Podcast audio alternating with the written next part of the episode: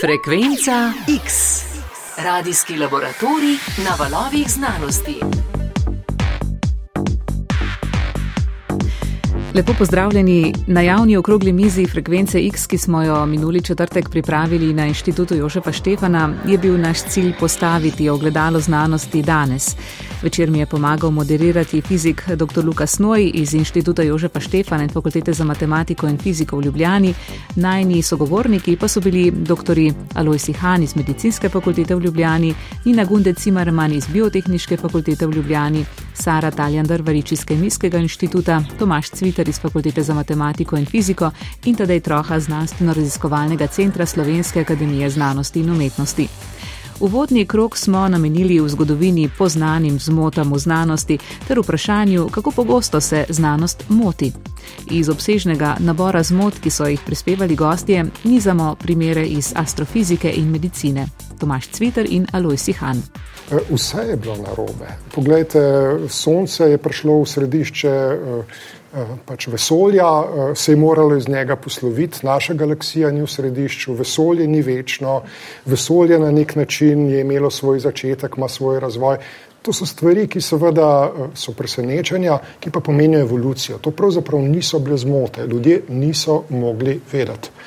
Se pravi, na nek način znanost eh, jo ni nič sram, da je kaj kdaj narobe. Tudi sam sem objavil en članek, da je neka zvezda, da vključuje neutronsko zvezdo, pa se je lepo skazalo, da je črna luknja. Ja, ampak nič hudega, nisem mogel vedeti, odgovor. To je tisto, ko se vedno potem vprašaš. In če nisem mogel vedeti, je smutiti človeško in znanstveno še toliko bolj. Doktor Ihan. Ja, medicina je tako polna drastičnih zmot. Ne? Eh, se pravi, v medicini se zmote žal štejejo z mrtvimi, uh, recimo zmota v 50-ih letih s talidomidom, uh, to je bilo pač neko zdravilo novo, ki je bilo kot pomirjevalo, oziroma potem so ga nosečence odkrile, da zelo fino deluje za to jutranjo slabost.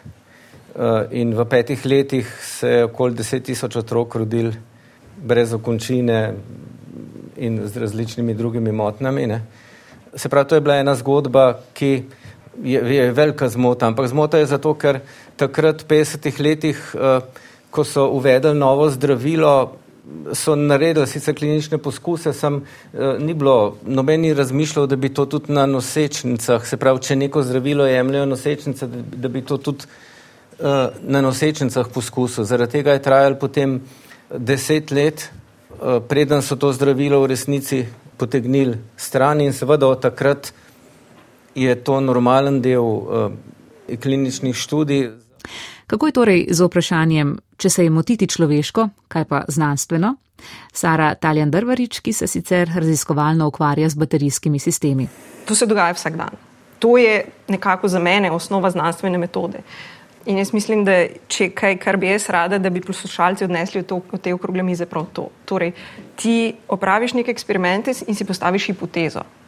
In to hipotezo, na osnovi te hipoteze, osnuješ druge eksperimente, ki jih potem opraviš, in s tistimi eksperimenti to hipotezo ali ovržeš ali pa potrdiš. Če si jo vrgel, to pomeni, da si se zmotil. Ampak nič hudega, na osnovi novih eksperimentov postaviš novo hipotezo, se spomniš novih eksperimentov in pač to ponavljaš.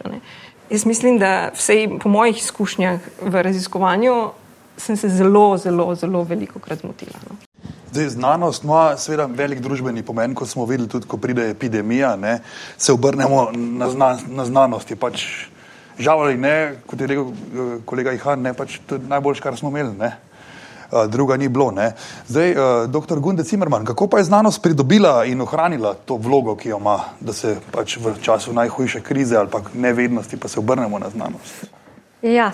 Znanost je pa po mojem preživela zato, ker glede na vse, kar imamo na vse zmote, ki se dogajajo v znanosti, še vedno vemo, da ima najboljši filtrirni sistem. V bistvu to, kar se prebije do tega, da postane učbeniški material, da se navežem na kolega, pride do te faze, ko gre čez res mnogo filtracij, od teh uh, kritičnih recenzij, pa vse v tistem trenutnem aktualnem času, ko se pišejo članki, ko se dogajajo raziskave, pa do tega, da čas pokaže, kaj od vsega tega se res obdrži, kaj pa enostavno odpade. In mislim, da nismo pogruntali še nobenega boljšega sistema kot to in ljudje, ko so v stiski, se še vedno zatekajo znanosti, tudi tisti, ki je sicer ne marajo. Kaj pa, če ugledni znanstveniki javno zagovarjajo stvari, ki so očitno napačne? To je zanimalo obiskovalca v dvorani, Saša Dolenca. Če nek Nobelovec, praviloma bo sicer potem Nobelovec, ki se vtika v področje, ki ni njegova specialnost, govoril neumnosti, je samo Nobelovec. Kar se sliši izjemno narcisoidno, kam sebe postavljam, ne, nikamor se ne postavljam, ampak argument velja, ne pa kdo ga je rekel. Velik del razprave smo se zadržali pri reviziji nedavnega obdobja koronavirusne pandemije. Časi so bili negotovi, stvari so se odvijale hitro, tudi zdaj je že mogoče z jasnejšo distanco pogledati na ravnanje znanosti tedaj. Začenši z vprašanjem, ali je znanstvena skupnost odigrala svojo vlogo pri iskanju konsenza. Imunolog Alois Han. Eh, raziskovanje, ne? o čemer ga pogosto mešamo z znanostjo. Ne? Eh, raziskovanje za mene je ev, nogometna Euroliga. Tako, kot gre v Euroligi za rezultate, za gole, za denar, eh, gre tudi v raziskovanju za projekte, za članke v čim ve, ve, višjih revijah in to je igra raziskovanja. In ta igra raziskovanja dela krasne rezultate. Ampak se moramo zavedati, se o tem bomo verjetno govorili vseh stran poti te igre raziskovanja. Se pravi, eh, jaz vem, ko, ko sem bil eh, najprej v, na začetku svoje karijere, sem bil v nek eh, izjemno dobrem italijanskem laboratoriju, kjer je ta skupina prvič odkrivala ene receptorje, ki se imenujejo kjer in ki so danes v vseh učbenikih. Ne? Ampak potem po enem letu pa pol dela v tej skupini je prišel HIV in so naenkrat spremenili temo na HIV. Sem rekel, ste znoreli, pa vi ste prvi v svetu, tik do Nobelove nagrade, zdaj se boste začeli pa s HIV-om ukvarjati. Ja, pa so rekli, pa se ne bomo se začeli zares s HIV-om ukvarjati. Ma, mi se bomo še vedno z istem ukvarjali kot prej, samo če so zdaj vsi projekti na tem svetu na HIV-u, bomo pač napisali okvir projekta na HIV-u, ma še vedno se bomo ukvarjali s tem svojim receptorjem in tako naprej. Se pravi, eh, tudi v nogometni Euroligi uh, igravci ne igrajo za to, da bi lepo igrali nogomet, ampak igrajo za to, da naredijo čim več golov, da dobijo čim več zmag, da je čim boljši rezultat in hkrati je s tem nogometu dober. Ne? In uh, to nas je med COVID-om. Med COVID-om je bilo naenkrat ogromno denarja za raziskave, kar pomeni, da se je cel svet raziskovalni, od humanistov do, uh, do vsega usmeril v v COVID. Producirale se je enormne količine člankov, ki so šli v vse smeri. Ogromno tega zdaj vemo je bilo zelo nasilo. So se recimo kakšne stvari izkazale za veliko zmoto, da se je najprej trdilo na začetku COVID-ne dobe to, potem Glede, pa predvsem je bilo preveč tega. Mi, mi v zdravstvu smo pa, smo pa v resnici imeli do vrh, do stropa bolnikov z boleznijo, s katero še nikoli nismo delali in seveda z stotinami člankov, ki so vsak hotel eh, nekaj po svoje eh, sugerirati, ampak so bili vsi raziskovalni članki. Tega konsenza, ki pa traja dve, tri leta, pa seveda je bilo iluzorno, ker s pacijentom moraš nekaj narediti, ne moreš čakati tri leta, da, eh, da se sporazumeš od državnega do evropskega nivoja. Tako da to so, to so bile te travme. Katere lastnosti znanosti pa so se med epidemijo izkazale kot izrazito šipke in kje je bila po drugi strani močna, je razmišljal astrofizik Tomaš Cviter. Je en določen manjko bil in ta manjko se mu reče manjko statistike. Namreč znanost je tako dobra zaradi tega, ker pravzaprav sledijo njene metode do neke mere iz evolucije. Evolucija rečemo v egalitaritarnih družbah. To pomeni, nimate avtoritete, ki s tem, kar ima že sivo brado in ne vem koga, lahko vse prav pove, ampak imate pravzaprav igro preživetja. Igro preživetja seveda pomeni, imate več šans, da preživite naslednji dan, če boste statistično pravilno delali. znanost nekako nekaj podobnega počenja in tudi v takih izjemnih situacijah, ja, ne vemo, kaj je dosto o tem koronavirusu, ne vemo, kakšne so njegove lastnosti, pa se dajmo igrati. Dajmo se igrati statistiko, dajmo videti, kaj je od česa, kako odvisen, dajmo simulirati, dajmo narediti mrežni model, dajmo narediti sociološki model stikov in tako naprej. Hočem povedati, vsi skupaj, velik del strok bi mečken več pravzaprav morali imeti tako, kako bi rekel, prstnih vaj na temo statistike. To je tisto, kar sem jaz nekako opazil. Kako pa so se med epidemijo obnesle družboslovne in humanistične vede? Dosti krat se je namreč slišalo, da bi morale imeti več besede, da se kot družba ne bi toliko razklali. Pa so imele tudi pripravljene odgovore. Filozof Tadej Troha. Tukaj zdaj naknadno je že tudi med pandemijo, mislim, že v, ko je pandemija bila še bolj bolj akutna in bolj resna, ne, se je veliko poudarja v smislu, kako bi morala humanistika tudi zraven, pa, pa da bi morala družboslovno znanost pripustiti zraven in ne vem kaj. Ja, se strinjam na nek način, ampak tukaj je, eh, se mi zdi, prišlo do enega, do enega po mojem, nesporazuma, da je, da je veliko družboslovja, preden se je vključil na razno raziskovalne načine, priključil zraven z raziskovanjem, kaj pa vem, ne, nekih fenomenov starih ali pa ne vem kaj, ki v tistem trenutku res niso bili rekel, nujni. Ne, uh, je podarjala neke formule, neke svoje fiksne ideje, to, da ne, ne, neko svoje strokovna stališča, ki v tistem trenutku, ja, bi rekel, ok, dajmo tehtati, ne, kolega Han je govoril o pacijentih, ki so bili do stropa v bolnicah, mi bomo pa zdaj govorili o tem, kako je ključno se, vem, videti v živo, se dotikati, se poljubljati, biti, sobivati skupaj, uh, uh, učiti se v šoli, imeti vse te stvari. To se drži, seveda, ampak v tistem trenutku je se to tepel z vsem možnim. In družboslovje, ali pa velik del družboslovja, ali pa humanistike, bom, tukaj so stvari malo prehajajo ena v drugo, mislim, da um, ni znal ponuditi kakšnega zelo produktivnega odgovora ali pa na sveta. In je potem prišlo do tega, da je skoraj bil vesel, uh, skoraj bilo veselo družboslovje, da se je pandemija končala, ampak ne zato, ker se je končala, ampak zato, da je, ker se ni svet zares podaril, da je lahko spet prišla v, ob, v obdobje, v, rekel, v katerem lahko spet svoje strokovne formule, svoje fiksirane uh, odgovore spet podaja, ne da bi prišel do kakršnega koli konflikta realnega v družbi. Ne? In je spet lahko govorila iste stvari, kot je govorila prej, ker zdaj spet lahko živimo v nekem smislu na isti način normalno kot prej. Ne? In je preživela to. In jaz se bojim, da se, če se iz tega ni nič naučila, ne? Uh, na, noben način prenovila za kakšne druge krize, pa tako naprej, da ni od tega res nič odnese in da in v tem smislu lahko rečemo, ja, da res ni bila prav pomoč. Eh, še tole vprašanje, potem pa predam tudi Luki besedo. Uh, doktor Ihan, prej se že omenila ne, to toksično polarizacijo v družbi. Eh, pa tudi sami smo, naprimer, v novinarskih kolektivih čutili to, ne, da se je družba razklala, ne, da, smo postali, da smo se naenkrat postavili na okope, skoraj da nehotene. In ogromno je bilo teh očitkov z ene druge strani, podajali smo si, ne vem, skoraj da že kletvice, se grdo gledali ne, eh, zaradi nekega tega našega odnosa do, recimo, do znanosti. Ne. Če verjameš, si naš znanosti, če ne verjameš, si njihov, si heretik, si šipkejši in tako naprej. Uh, verjemite stroki, to smo danes že slišali, to, to izjavo, ne ta neka nova religija znanosti se je vzpostavila.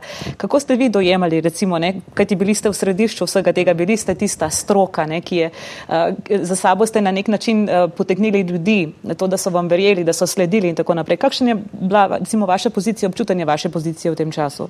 Je, je dokaj mučno. Uh, torej, ni, ni, ni Eh, ni naraven položaj znanosti, da je tako v uh, središču družbe, zlasti pa ne tako različnih interesov, ki so v družbi. Ne? Ker moramo vedeti, ljudje se niso prepirali zaradi zaradi virusa, se noben ga ne briga, ta virus v končni fazi, razen ja. Čeprav smo imeli tudi dvomljivce, ki so jasno trdili, da ja, ampak uh, to so bili prepiri zaradi zarad, uh, svojega pogleda na na svoje lastno obnašanje takrat.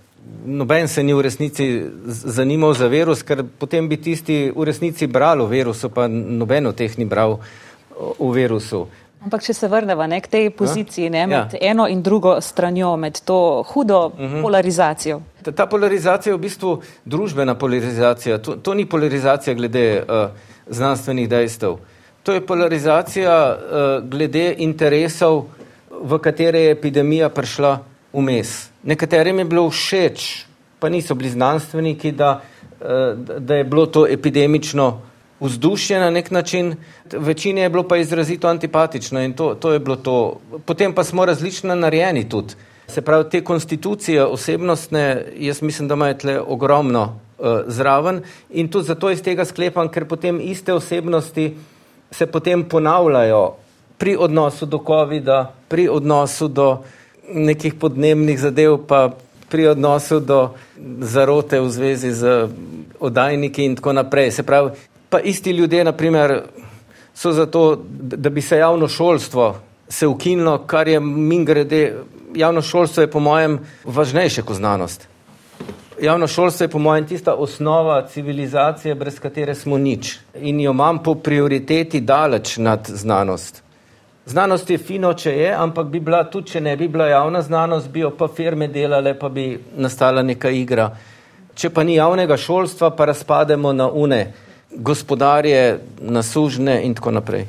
Zdaj smo ugotovili, da ima znanost v kontekstu sodobnega časa, pa hitrih sprememb, tudi epidemija COVID je bila tukaj, je bilo treba hitro odreagirati, ima precej izzivov. Ne. Doktorica Drvarič Taljan, Zdaj, mi imamo ta znan, znanstveni pristop, je star nekaj stoletij ne? zaenkrat je deloval čisto v redu, dal spodobne rezultate, so bile zmote, ampak napredek pa je bil na dolgi skali dosežen. Ne? Zdaj pa imamo danes izzive, ko imamo zelo hiter pretok informacij, praktično na milisekundni skali po celem svetu. Imamo izzive lažnih novic, umetno inteligenco, ki je sposobna kreirati neskončne količine informacij. Je ta znanstveni pristop še? Smiseln, uh, je še sposoben odgovarjati na te izzive? Seveda. Znanstveni pristop, ta znanstvena metoda je najboljše, kar imamo. Je pa res, da je počasna, kar je po mojem tudi prišlo zelo do izraza v času pandemije.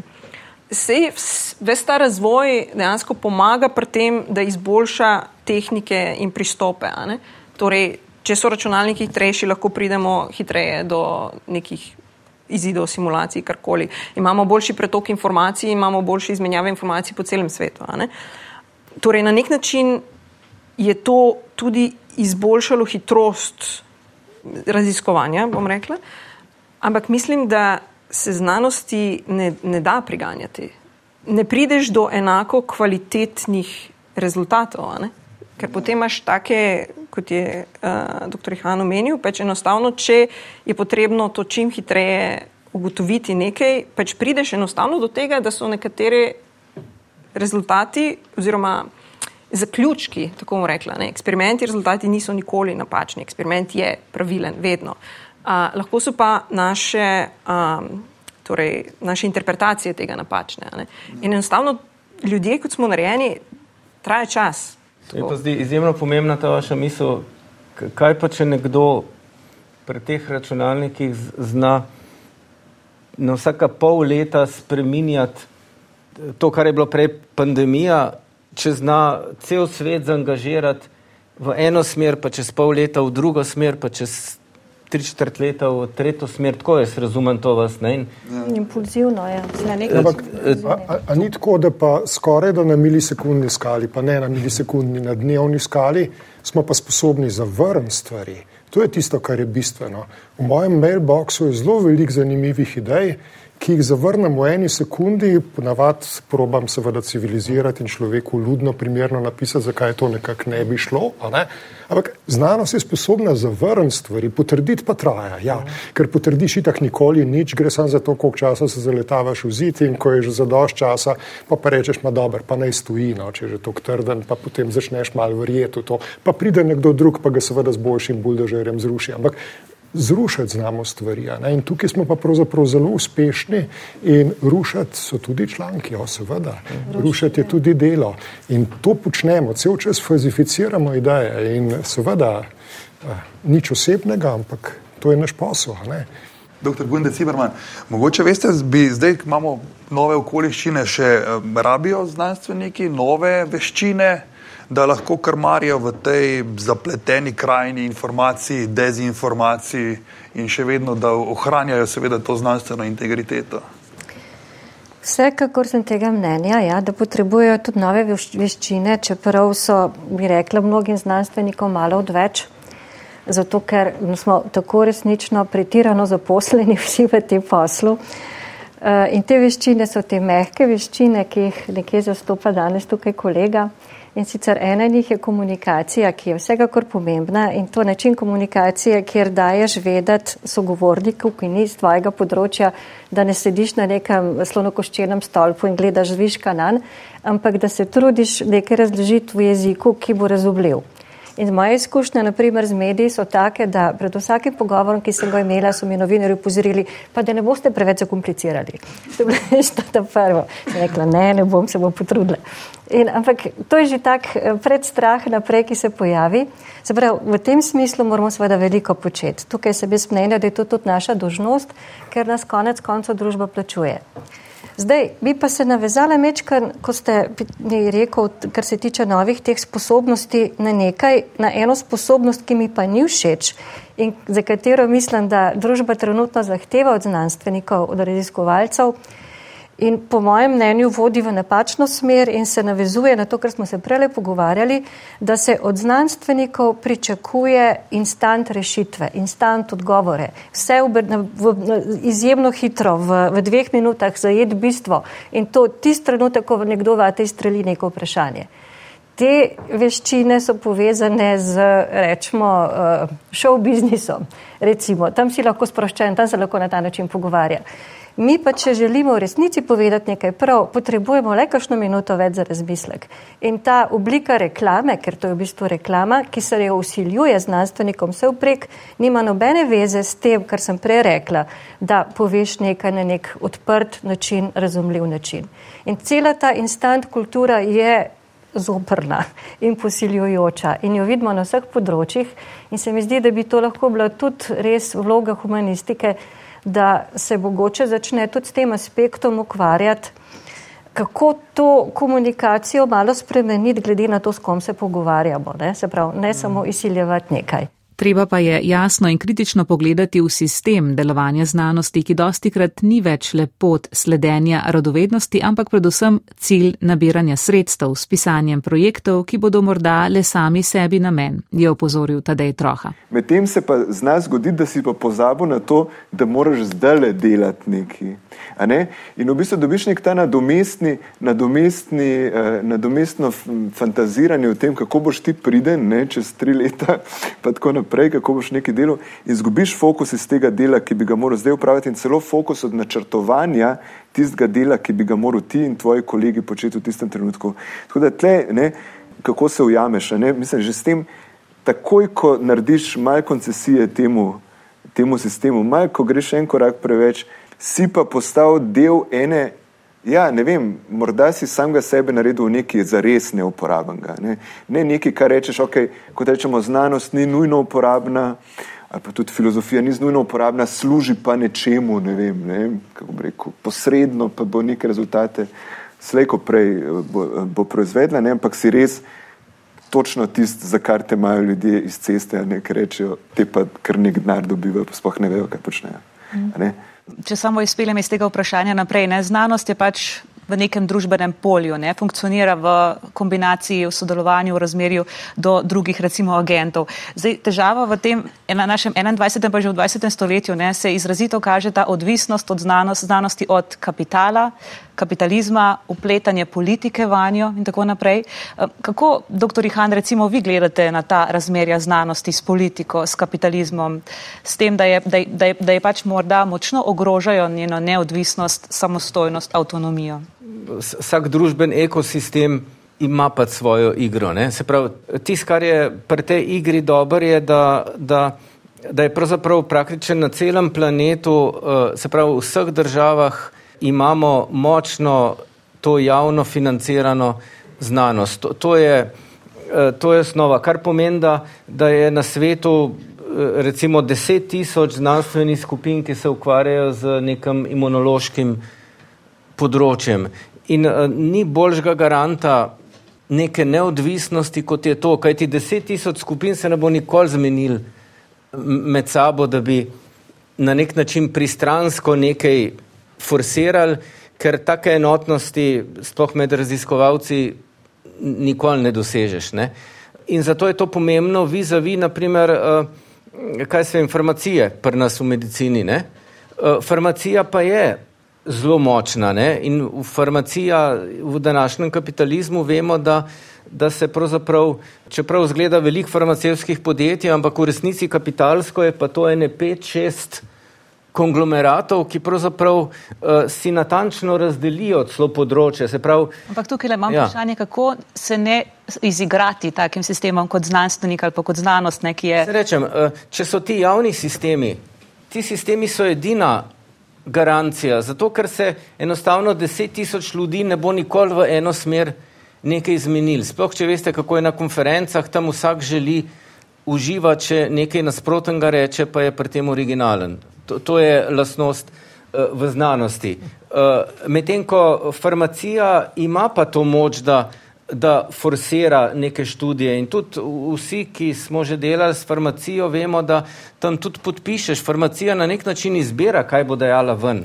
Ali kot sklene? Eh, enostavno nobena skupina interesna niti daleč ni tako močna, kot je ta združena znanost.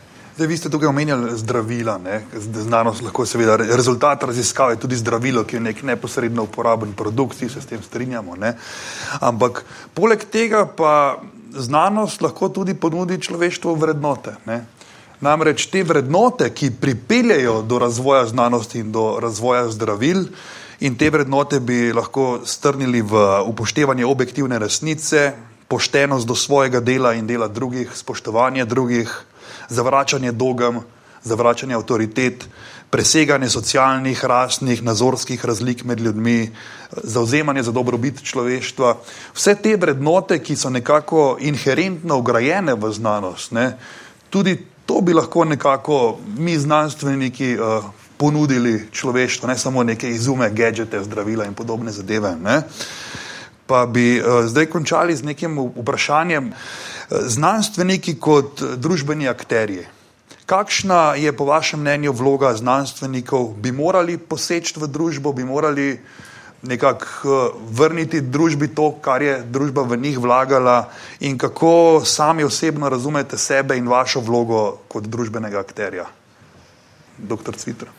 Jaz mislim, da zelo pomemben del znanstvenega bivanja je tudi dejstvo, da vračaš družbi.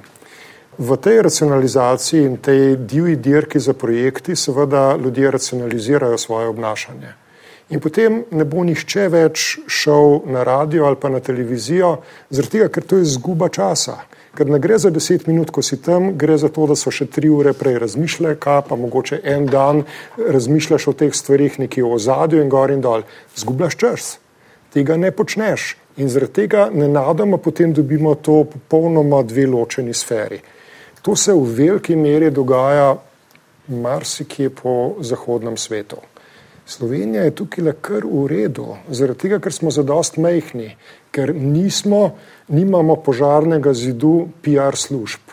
Večinoma imate PR službo, ki nima interesa informirati javnosti, ampak ima interesa promovirati lastno inštitucijo, zato da bo dobila več denarja. Tako da treba bi bilo sistemsko verjeten še spodbuditi to možnost razdajanja, kaj ti nezanimiv tem, čist preprosto ni. Pravi, če prav razumem, vi vašo vlogo vidite predvsem v promociji znanosti. Pa... Promocija znanosti, obenem pa tudi jaz mislim, da sicer dober. Znanstveniki znamo biti precej ostri v komunikaciji, direktni v komunikaciji, mogoče tudi smo grobi komu. Po mojem, znanost mora posežiti tudi v kakšne družbene probleme, ki se dogajajo. In seveda tukaj le, dobro, smo lahko aktivni državljani kot vsakdo, ampak obenem, če imaš pa neko ekspertizo, ki lahko pomaga pri neki, rečemo temu, strokovni odločitvi, ne vem, glede energetike ali ne vem česa, tudi če nisi pravzaprav specialist za energetiko, če imaš pravzaprav razloge, da boš nekaj trdo, potem jaz mislim, da je tvoja dolžnost, kaj ti si plačan od družbe, da to tudi javno poveš in se seveda s tem izpostaviš, verjetno tudi komu zamiraš in da se ne pogovarjajo samo politiki ali pa tehnokrati, ampak da se pogovarja pravzaprav tudi druga srednja, ki pravzaprav na prvi pogled si to ne bi bilo treba, pa mislim, da bi ji bilo treba. Ne? Skratka, to je naša dolžnost, po mojem. Frekvenca X. Radijski laboratorij na valovih znanosti. Povzetek okrogle mize, ki smo jo pripravili, je s tem pri koncu, celotno pa lahko slišite na podkastu Frekvence X. Vsem, ki ste se nam pridružili na Jožefu Štefanu, se najlepše zahvaljujem za tolikšen obisk in zastavljena vprašanja in upam, da razpravo k malu nadaljujemo. Večer sva povezovala Maja Rate in fizik Luka Snoj, najni sogovorniki pa so bili Aloj Sihan, Nina Gundec Zimmerman, Sara Taljan Drvarič, Tomaš Cviter in Tadej Troha. Odajo je posnel tonski mojster Damjan Rostan. X.